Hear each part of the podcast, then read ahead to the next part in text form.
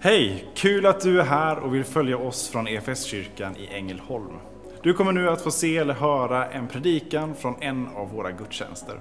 Har du några frågor eller vill veta mer om oss som kyrka så kan du alltid gå in på www.efskyrkan.info. Vill du ha tillgång till mer undervisning eller ta del av våra inspelade konferenser eller gudstjänster gå gärna in på vår Play-kanal, efskyrkan.tv. Nu ska vi lyssna på denna veckas predikan. Vi ber. Tack Fader för att du har sänt din son Jesus Kristus till oss. Tack för att han är det levande ordet. Vi ber nu, fyll oss med din heliga ande så att när vi läser och möter bibelordet och därför läsa om det levande ordet, Jesus Kristus själv. Att du talar till oss. Öppna våra hjärtan så att vi förstår, så att vi tror och så att vi handlar därefter. Tack för att du vill möta oss med ditt hopp. Amen. Jesus är vårt hopp. Hela vägen går han med. Men ganska ofta, ganska många gånger så söker vi på andra ställen. Jesus är vårt hopp. Det är formuleringen för, för temat. Inte Jesus ger oss lite hopp, utan Jesus är vårt hopp. Det är han själv som är vårt hopp. Inte ett hopp heller, bland andra lite uppmuntran bland många källor, utan han är vårt hopp. Men många gånger så söker vi på andra ställen. Men också då så går han med oss. Vi har en Gud som söker upp människan. Vi har en Gud som söker efter oss, som inte väntar på att vi ska längta efter honom eller sträva efter honom eller göra våra försök att förtjäna vår plats. Vi har en Gud som söker oss.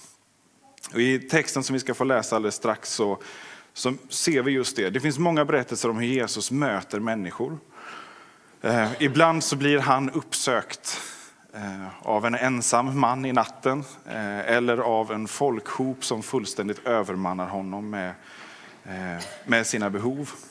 Ibland så trillar Jesus över någon i ett möte. Eh, men nu i den här berättelsen så söker Jesus upp någon, en specifik person, en specifik plats. Eh, vi läser från Johannes evangeliet kapitel 5, de första nio verserna. Sedan inföll en av judarnas högtider och Jesus gick upp till Jerusalem. Vid fårdammen i Jerusalem finns ett bad med det hebreiska namnet Betesda. Det har fem pelargångar och i dem låg en mängd sjuka, blinda, lama och lytta. Där fanns en man som hade varit sjuk i 38 år. Då Jesus såg honom ligga där och fick veta att han varit sjuk länge frågade han honom, vill du bli frisk? Den sjuke svarade, Herre, jag har ingen som kan hjälpa mig ner i bassängen när vattnet börjar svalla. Men när jag försöker ta mig dit hinner någon annan ner före mig. Jesus sa till honom, stig upp, ta din bädd och gå. Genast blev mannen frisk och tog sin bädd och gick.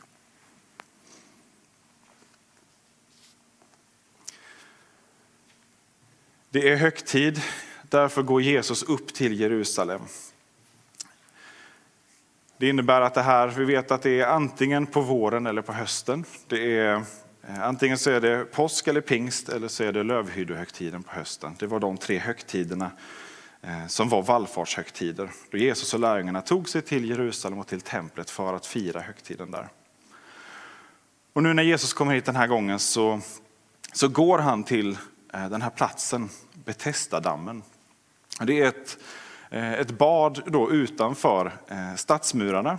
En gammal vattencistern byggd kring ett källflöde som sedan har blivit ombyggd till ett, ett stort bad. Och ganska länge så har eh, det här förbryllat eh, forskare, eh, det som Johannes skriver här, att det är ett bad som har fem pelargångar. Och ingenstans finns det några arkeologiska belägg för att man bygger ett sånt här bad som en femhörning. Pentagon har vi i USA, det är en lite senare byggnad. Men den här femhörningen med fem pelargångar, finns inget sånt.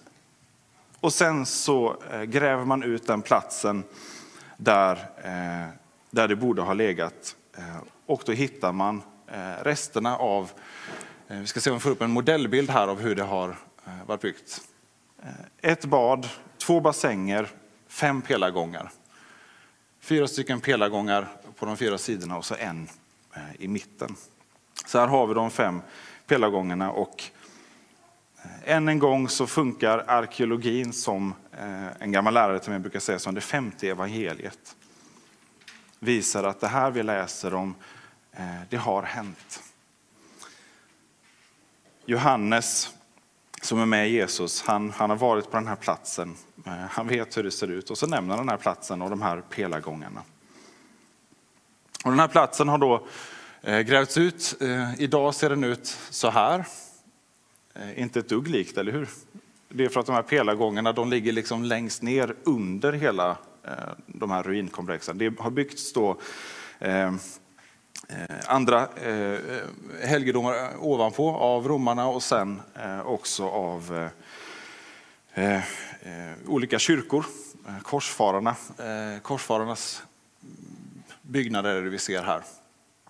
När de byggde en kyrka på den här platsen. Men längst ner så kan man gå ner Eh, precis allra längst ner i botten och eh, känna på vattnet där nere från eh, källan. Och precis komma åt kanske några av de stenarna som, som utgjorde den här, den här platsen. Och det hade då blivit en, en samlingsplats kring den här källan där sjuka samlades för att om möjligt kunna få bli friska. I detta Betesda, Betchesed. På hebreiska nämner Johannes att det här är namnet för den här platsen, nådens hus. Ett hus där man förväntar sig att få möta Guds nåd, att få bli frisk.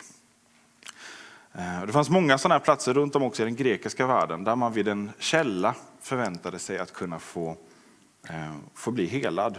Eh, en, en, en magisk förväntan just kring de här källorna. Och det verkar som att här så fanns det en förväntan när vattnet börjar röra sig. Alltså en källa som har något periodiskt flöde som ibland kickar igång. Och den som var först ner kunde få bli helad. Och så kommer Jesus dit. Han eh, går till den här mannen som varit sjuk i 38 år.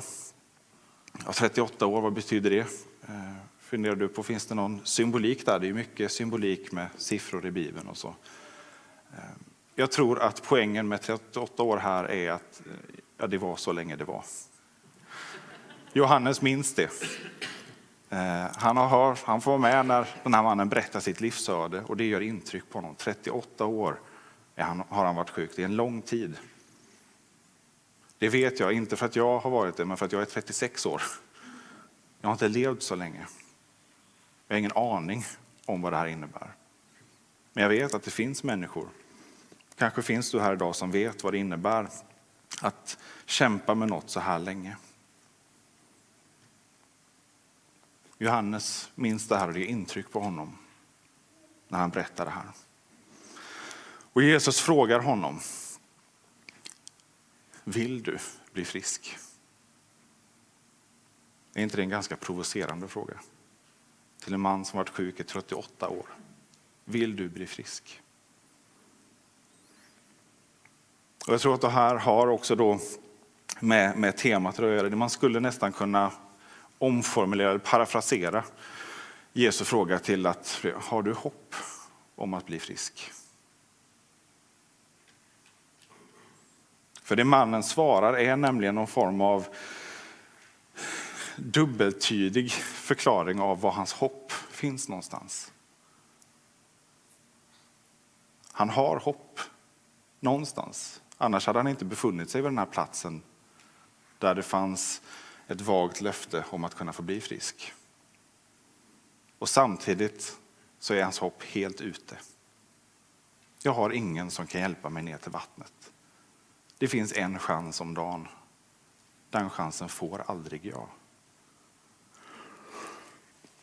Så den här mannen, han har, han har någon strimma av hopp, men ändå inte.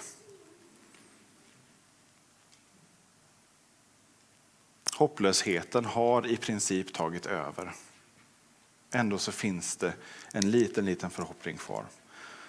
Och jag tror att många gånger så kan vi också uttrycka den här förhoppningen, men där hoppet på insidan ändå har, har falnat. Eh, ja, men vi, kommer det här ordna sig? Ja, man får hoppas det. Men tror vi att det kommer ordna sig eller är det ett försök att ändå gripa tag i, i någonting? Där vi till slut kanske istället har förlikat oss med en tillvaro. Eller kanske det har gått så långt att man har blivit helt likgiltig inför och inte ser någon, någon möjlig väg framåt.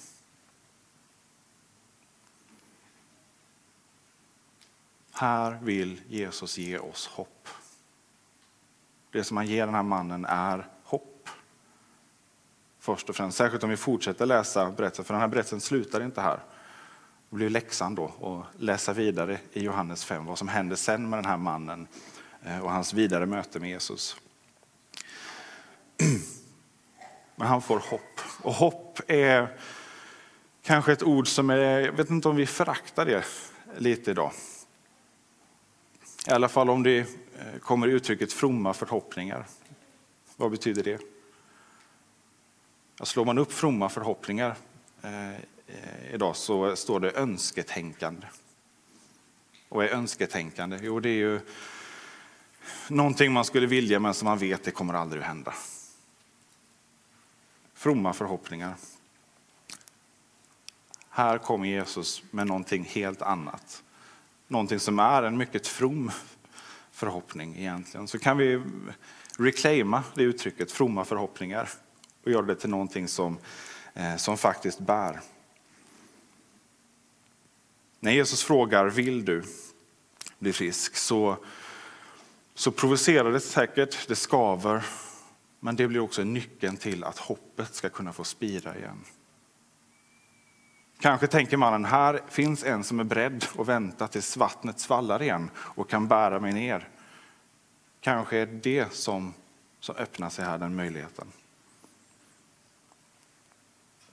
Men Jesus väntar inte på, på det svaret eller den begäran. Utan han överrumplar mannen, känner mig ganska övertygad om, och säger stig upp och gå.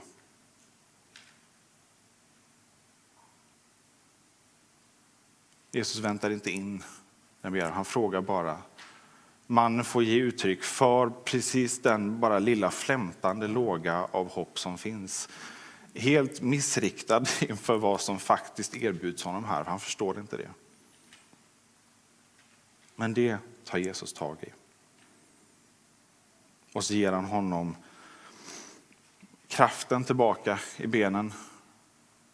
Han ger honom livet tillbaka hoppet tillbaka. Jesus är densamme idag. Varje dag går han med. Det är löftet. Och berättelsen om den här mannen får bli för oss kanske också den här frågan. Vill du? Och så följer det som som du kämpar med, det som är på väg att släcka ditt hopp, som, som naggar din tro i kanten. Vill du att Jesus hjälper dig ur det? För ibland så finner vi oss i en situation och så blir det en bekvämlighet. För jag känner till det här, även om det här inte är bra, även om det här gör ont, oavsett om det är sjukdom eller vad det är, så kan det bli någonting tryggt att hålla fast vid. Det är åtminstone så här, det vet jag. Därför behöver Jesus ibland få provocera oss och fråga, vill du verkligen komma loss? Vill du ur det här?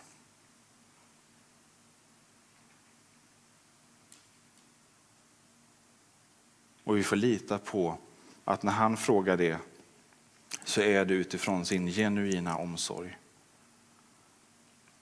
Ingen ensam lämnad kvar. Och det här mötet som den här mannen får med Jesus får bli också det som kan få väcka hoppet för dig och mig. För den tid som vi befinner oss i just nu.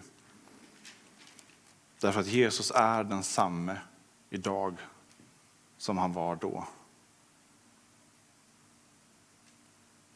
Han är densamme. Genom kyrkans historia så får vi vittnesbörd på vittnesbörd på vittnesbörd om just det här. Hur Jesus genom sin kyrka rör vid människor så att sjukdom ger vika, så att liv får komma in, hopp får komma in där hoppet en gång har lämnat. Vi ser det inte alltid precis just nu i vårt eget liv. Vi ser det inte alltid just nu i vårt eget sammanhang. Precis så som det var många människor runt omkring här som såg vad som hände och sen gick Jesus. Ibland så finns det tid för en särskild person eller en särskild händelse. Ibland så finns det tid för den stora rörelsen, det som vi kallar för väckelse. Men Jesus vill alltid ett möte med oss på något sätt. Vi vet att Jesus gör detta. Vi vet att han är den som han säger sig vara. Vi vet att vi kan möta honom också idag. Det är därför som Jakob, Jesu egen bror, skriver som han gör i det, eh, den texten som Åsa läste innan. Han var först skeptiker. Han trodde inte att hans bror var Messias, frälsaren. Det är helt absurt. Skulle min egen bror vara det? Men sen förstår han, han kommer till tro och han blir ledare för församlingen i Jerusalem. Och han uppmanar den som är sjuk att kalla förebedjare till dig, kalla på församlingens äldste så att de kan få be för dig, få smörja dig med olja. Inte bara få ge läkedom till kroppen utan också läkedom till själen. Bekänn era synder för varandra. Jesus vill röra vid oss till ande, kropp och själ. Han vill ge oss livet tillbaka, inte bara hopp om en okej okay tillvaro här och nu, utan fullt liv. Upprättelse ända in i hjärteroten.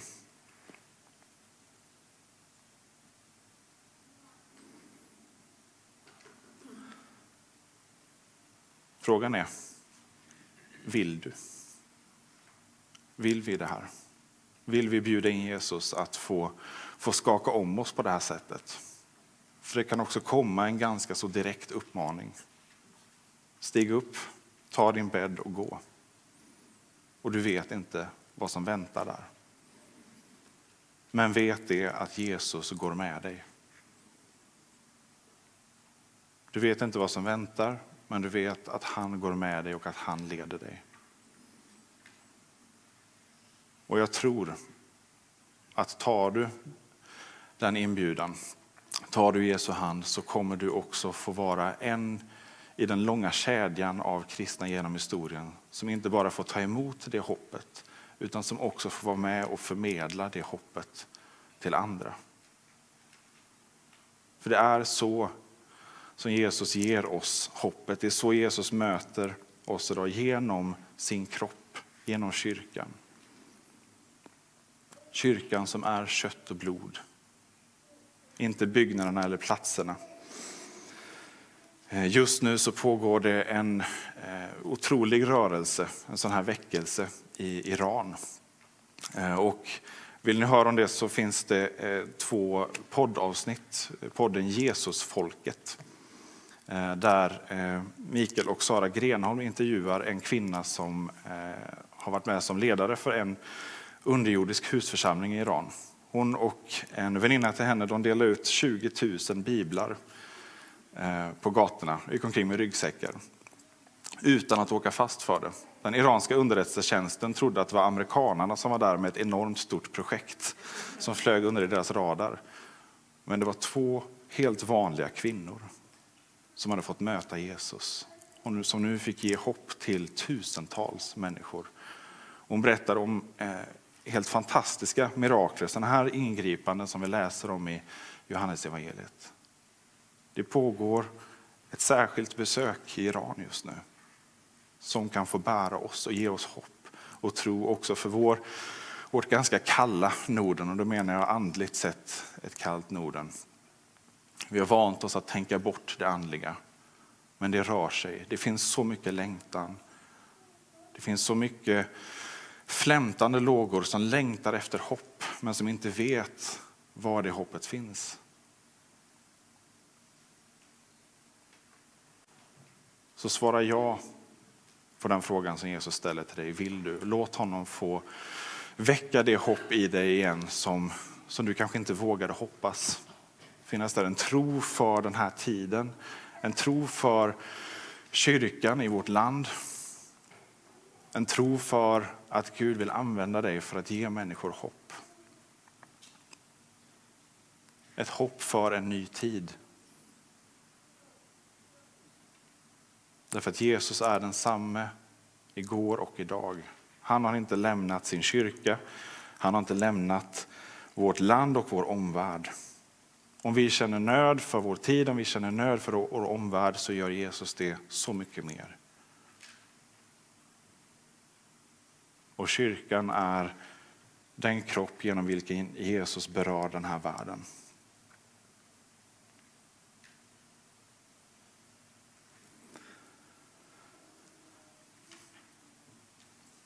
Nu så eh, ska vi alldeles strax få fortsätta sjunga lovsång. Eh, under den tiden så eh, skulle jag vilja uppmuntra dig till, vi, eh, vi har sagt här nu att vi eh, inte ska ha personlig förbön på plats för att kunna hålla avstånden och sådär, men vi vill verkligen kunna erbjuda det idag. Och vi, det finns förebedjare som har röda skyltar. Där bak vill du ha förbön så prata med någon så går ni iväg och det finns möjlighet till att be på någonstans där man kan få hålla avstånd och ändå höra Eh, eh, vad som bes eh, för dig. Så ta den möjligheten. Det finns också möjlighet för dig att, som följer på nätet att gå in på hemsidan och ta kontakt med oss där så finns det människor som är redo att be för dig också där. Och ta, ta kontakt med oss vi kommer gärna hem till dig och smörjer dig med olja och ber för dig. Är du på alldeles för långt håll och ser det här så hjälper vi dig att ta kontakt med någon kyrka i närheten. Så hör av dig eh, och ta den här möjligheten att få, få ta emot förbön och att, eh, att få välkomna ett Guds ingripande in i ditt liv. Vi ber. Tack Jesus för att du eh, vill möta oss och för att du kallar oss till ett möte med dig. Tack för att du söker upp oss också när vi inte eh, vågar söka efter dig eller inte ens vet hur vi ska söka efter dig. Eh, jag ber nu att du öppnar våra hjärtan så att vi eh, kan, orkar och vågar ta emot din tro och ditt hopp för våra liv. Eh, för vårt land och för vår värld. Fyll oss med din heliga Ande och låt oss få dela vidare det hopp som du vill ge oss. Kom helige Ande. Som kyrka är det en glädje att få spela en liten roll av allt Gud gör i och genom ditt liv. Vi vill gärna fortsätta följa dig på den resan.